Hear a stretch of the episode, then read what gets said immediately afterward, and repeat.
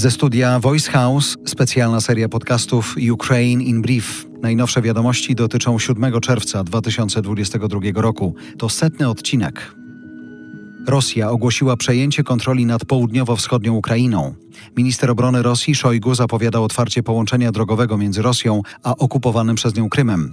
Droga ma prowadzić przez okupowany przez Rosję Donbas.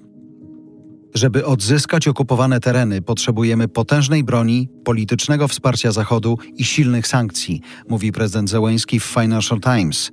My mamy więcej chęci, żeby wygrać, niż technologii. Dlatego nie możemy iść naprzód. Sekretarz Rady Bezpieczeństwa Narodowego i Obrony Ukrainy wylicza bardziej szczegółowo.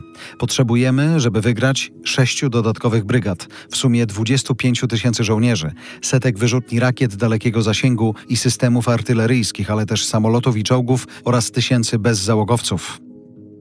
Prezydent Zełęński przyznaje, że zmęczenie wojną jest coraz silniejsze, że zachodni politycy i media zaczynają wywierać naciski na Ukrainę, żeby kończyła wojnę ze złym dla siebie wynikiem.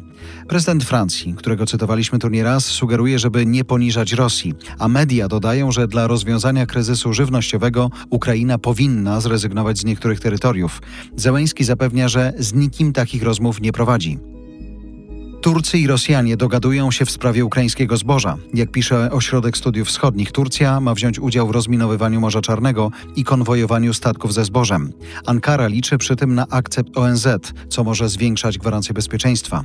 Jednocześnie władze tureckie planują stworzenie w Stambule ośrodka, który ma koordynować wysyłkę zboża i monitorować wykonanie misji.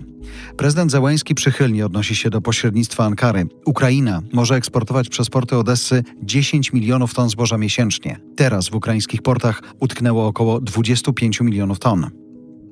15 lat więzienia za zdradę stanu, informuje prokurator generalny Ukrainy. Sąd w Iwano-Frankowsku skazał czterech obywateli Ukrainy. Mężczyźni mieli paszporty separatystycznej Donieckiej Republiki Ludowej i walczyli w rosyjskim wojsku. Sąd uznał, że mężczyźni uczestniczyli w przygotowaniach do inwazji na Ukrainę, a także uznali legalność rosyjskiej agresji zbrojnej. Parlament Rosji za wyjściem spod jurysdykcji Europejskiego Trybunału Praw Człowieka w Strasburgu. To on zajmuje się m.in. skargami na naruszenia praw człowieka. Dla Rosjan był ostatnią deską ratunku, kiedy przegrywali w swoim kraju. Szef rosyjskiej Dumy ogłosił po głosowaniu, Europejski Trybunał Praw Człowieka stał się w rękach zachodnich polityków instrumentem walki politycznej z Rosją. Dlatego wychodzimy. We wszystkich branżach na Ukrainie spada wynagrodzenie. W wyniku wojny firmy często optymalizują koszty i obniżają pensje, mimo że na pracowników w niektórych zawodach jest duże zapotrzebowanie sprzedawcy, budowlańcy, kierowcy czy logistycy, tak wylicza OSW. Spadków nie widać tylko w rolnictwie, medycynie, IT czy marketingu. To było Ukraine in Brief od Voice House.